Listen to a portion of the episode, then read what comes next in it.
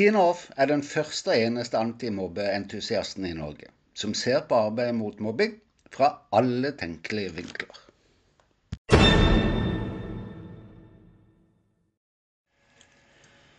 Elever med behov utover normalen står foran den største risikoen i deres liv. Heldigvis vet de det ikke ennå, kanskje ikke deres foreldre heller, men stadig flere voksne vet at noe skurrer. Når dette noe skurrer helt inn på barnevernstjenestens kontor og resulterer i omsorgsovertagelse, som betyr at barn og unge havner i fosterhjem eller på institusjon som følge av at de mer eller mindre tilfeldig har opplevd mobbing, er vi virkelig på ville veier. Men vi er der, og vi bør absolutt snakke om det. Velkommen til episode fem i sesong to. De siste årene har jeg kommet i kontakt med stadig flere saker der det som starta som en aktivitetsplikt for skolen i kjølvannet av at mobbing blir avdekka, blir til trussel om, eller havner i, eller allerede har havna i barnevernssystemet. Mobbingen er forsvunnet som tema. Konsekvensene av skolens håndtering settes det ingen spørsmålstegn ved. Og resultatet? Vel, når tenkte vi at vårt var antimobbesystem banet vei for omsorgsovertagelse av barnevernstjenesten. Altså at familier brytes opp i sin helhet. Aldri, håper jeg. Hadde dette bare i gåseøyne skjedd i mobbesaker, hadde det vært én ting. Men tilsvarende skjer jo med utgangspunkt i barns høye skolefravær, diagnoser og funksjonsvansker. Da snakker vi vel mer om en systemfeil, eller hør? Jeg har lyst til å fortsette med barnebrillene på. Legge puslespillet der så mange kun makter å se én eller to brikker. Hvis vi ser hva som skjer, er det så mye enklere å gjøre noe med det. Nei, vi skal ikke gjøre det for å ta noen, men heller for å finne ut hvordan og hvor vi kan støtte og gi drahjelp til skolen, slik at vi sikrer bedre kvalitet i håndteringen til barnas beste. Når mobbing rammer barna, har vi i skolen allerede bomma på å skape de beste forutsetningene for læring. Et miljø der barn og unge opplever mobbing, er et utrygt miljø. Et miljø som tapper barna i sentrum for verdifulle krefter til læring og utvikling.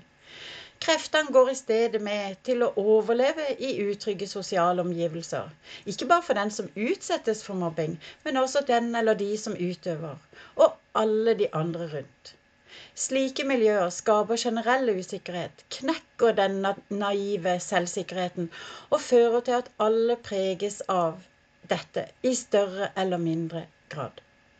Sett i, lys, sett, i, sett i, et slikt lys snakker vi kanskje mer om et satsingsskifte. Fra den der klokketroen på klasseromsledelse som løsningen, til bygging av klasseromsmiljøer om læreren ikke makter å bygge de gode miljøene først, vil jo ferdighetene i klasseromsledelse ikke komme helt til sin rett. Jeg har jo snakka om en rekke sider ved saksbehandlinga i mobbesaker før, så dette blir en litt annen og kortere versjon. Så lenge foreldre opptrer i rollen som informasjonsmottaker og samtykkere til tiltaksforslagene skolen fremmer, oppfylles det som blir referert til som samarbeid mellom skole og hjem.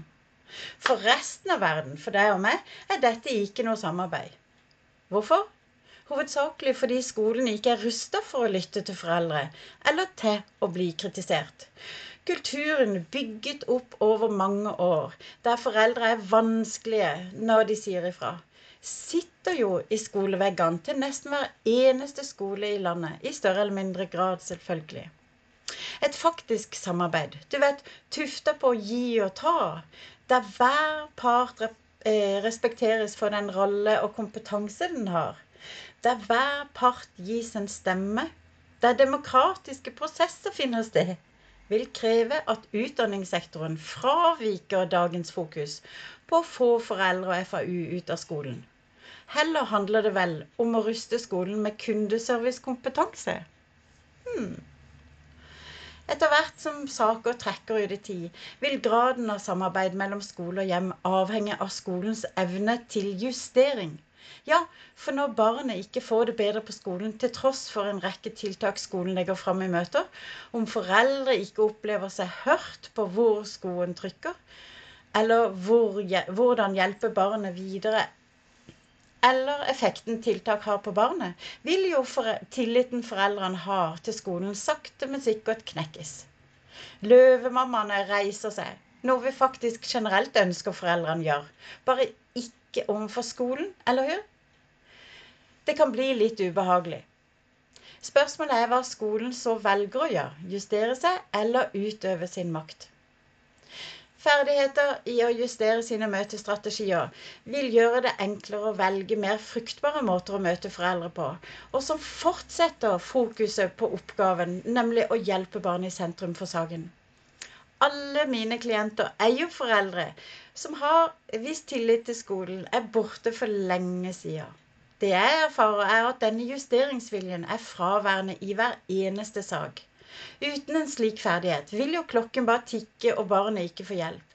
Ja, barnet er nesten ikke i fokus i det hele tatt. I stedet er en ren motarbeidelse som finner sted. Og den, den er stygg. Om skolen står uten slike justeringsferdigheter, vil fokuset til skolen starte som et relativt uskyldig selvforsvar i dokumentasjonen, og så gå over til å bygge sak mot familien.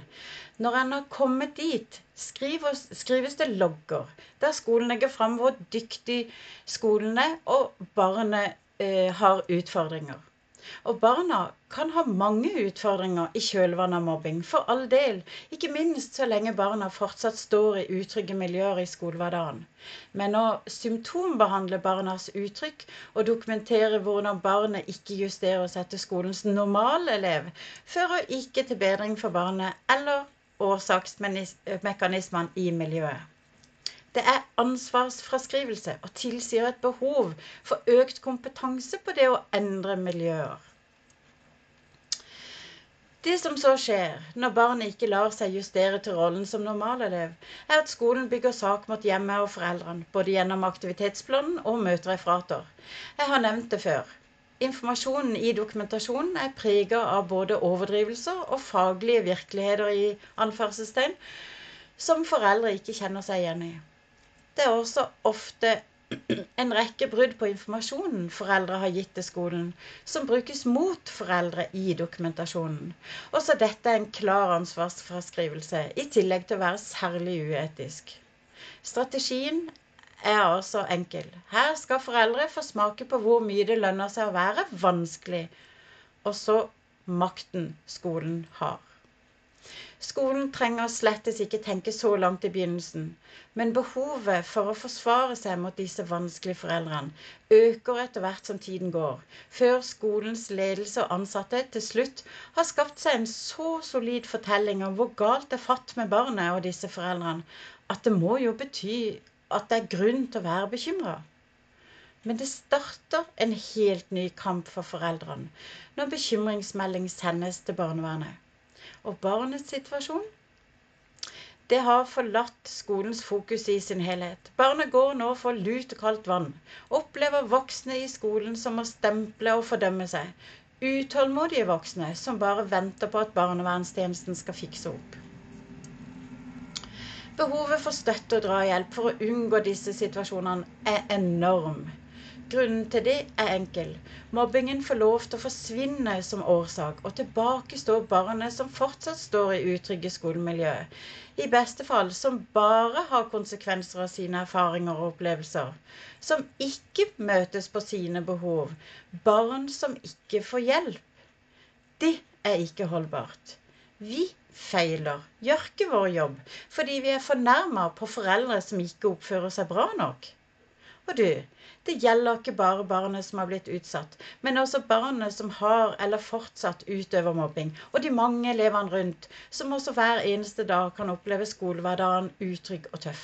Det er skolen som må løse sin oppgave og sitt ansvar. Ikke gis anledning til å skyve ansvaret fra seg.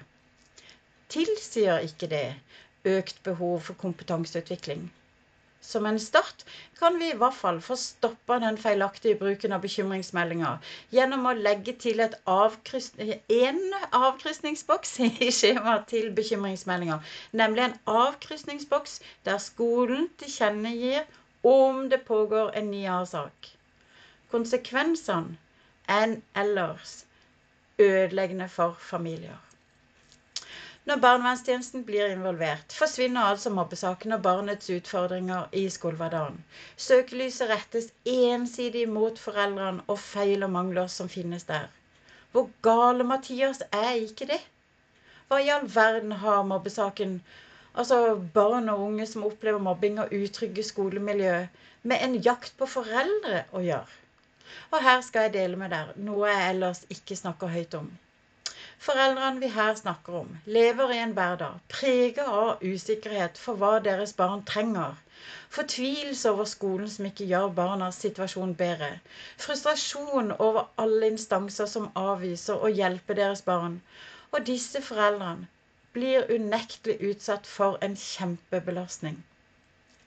Deres barn kan ha enorme behov for støtte, kan slite med angst og bekymringer som gjør både spising eller soving til en særlig utfordring. Kan trenge timer med forberedelser for å makte komme seg til skolen. Og eller timer med ettervirkninger av sine skolehverdager. De kan trenge spesielle aktiviteter etter greie skolehverdager, og andre aktiviteter etter særlig dårlige skolehverdager. For noen foreldre klapper barnet helt sammen i et sammenbrudd, og hele livssituasjonen snus på hodet. For barnet er ikke på noen måte i stand til å gjennomføre noen ting, især ikke en skolehverdag. Noen ganger så undrer det meg hvor lite betydning og vekt den nye foreldresituasjonen gis. Dvs. Si, jeg lurer på hvordan en slik foreldresituasjon kan forsvinne fra forståelsen og hensyntagen idet barnevernstjenesten kommer inn i bildet. Litt til om belastningene. Foreldrebelastningene. Foreldre står mutters alene i hele mobbesaken. Selv om helsekonsekvensene aktualiserer og involverer involvering av fastlege, kanskje BUP eller PPT, står foreldre alene. Ja, selv med ordningen med mobbeombud står foreldrene alene, bortsett fra perioder med helseforetak inne og noen få møter med mobbeombud til stede. Og selv om helse- og eller mobbeombud involveres, justerer ikke skolen annet enn det skolen selv er villig eller har ferdigheter til. Og da har jeg lyst til å legge en ting, til en ting. I likhet med pårørende til pasienter med psykiske helseutfordringer viser funn Pårørendealliansen eh, har funnet at sitat, det er godt dokumentert at pårørende selv blir syke av å stå i krevende omsorgssituasjoner uten nødvendig støtte. Pårørendealliansens undersøkelse for pårørende innen psykisk helse viser at syv av ti pårørende opplever sin egen helse som dårlig, og seks av ti opplever å leve i konstant alarmberedskap, er stressa og har søvnproblemer. Vi kan ikke lenger undervurdere betydningen av å stå alene i dette, kan vi? Det koster foreldre for mye. I tillegg til de ting som pekes på av Pårørendealliansen, høres også tap av selvtillit, krefter, tålmodighet, penger og alt som ikke er forenlig med at barnet deres får hjelp i rett tid, som motarbeidelse og en kamp, ikke lenger bare for barnet, men for familiens eksistens. Og apropos penger, pekes det på utfordringen artikkelen omhandler, nemlig finansieringsordningen. Som du sikkert vet, er det ingen finansieringsordning av noe slag i mobbesaker. Verken i saksbehandlingen for skole eller hjemme, eller i helsekonsekvensene barna uten tvil har i kjølvannet av sine erfaringer med mobbing, skolemiljø og håndtering av samme. Det er ikke tvil om at det trengs en finansieringsordning som gjør foreldre i stand til å hente inn hjelp og støtte, f.eks. advokatbistand, skaffe private tjenester ved avvisning av offentlige instanser osv. En finansieringsordning vil også kunne gi mulighet for en mer systematisk kompetanseutvikling i skolen. Støttesystemer som elektronisk drahjelp og kanskje uttrykkende team som kan sikre kvalitet i avdekkingsprosessen. Som i artikkelen til um, Pårørendealliansen kan en finansieringsordning ha positive konsekvenser og gjør også skolen i stand til å citat, tilby et strukturert familiesamarbeid til alle som trenger det. Dette fortjener både pasienten og familien rundt. De står alle i en krevende situasjon. Sitat slutt. Dessverre er vi langt unna noen forståelse for det som rører seg i disse møtene mellom skole og hjem. Vel, jeg sitter jo i slike, stor, i slike møter storparten av tida mi, og jeg må si at fokuset på å skulle ta noen gjør at skolen blir opptatt av å ta foreldre, foreldre på å ta skolen. Det hjelper altså ikke barna. Så hva gjør vi? Vi behandler foreldrene urett. For det første så jobbes det på spreng for å stenge ute eller redusere foreldres rolle i skolen mest mulig. For det andre, i møter forsøkes foreldre innrammet i sin alenehet i størst mulig grad. F.eks. For fortelles foreldre at det er ulovlig å ta lydopptak fra, fra disse møtene. Og sånn er det jo ikke. Men lydopptak kan kreve en profesjonalitet, eller kvalitet, da, som i dag ikke kommer til uttrykk i disse møtene. For det tredje, ekspertene i arbeidet mot mobbing holder det ene foredraget etter det andre for foreldre. Der det er foreldre som skal justere seg, som skal og bør og må, ditt og datt, for at barna skal unngå å oppleve mobbing. Jeg håper de kan stoppe med det, for foreldre er og skal fortsette å være privatpersoner som oppdrar sine barn på sin måte og ut fra sine verdier.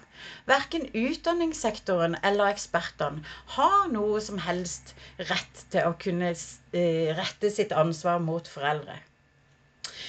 Ekspertene snakker heller ikke om konsekvensene av manglende kompetanseutvikling. Det behovet barn har for etterarbeid og hva det vil si for skolen. Hvilke konsekvenser oppløsninger av familier har. At foreldre går konkurs. Og at man ikke snakker om hvilken fremtid man gir barna.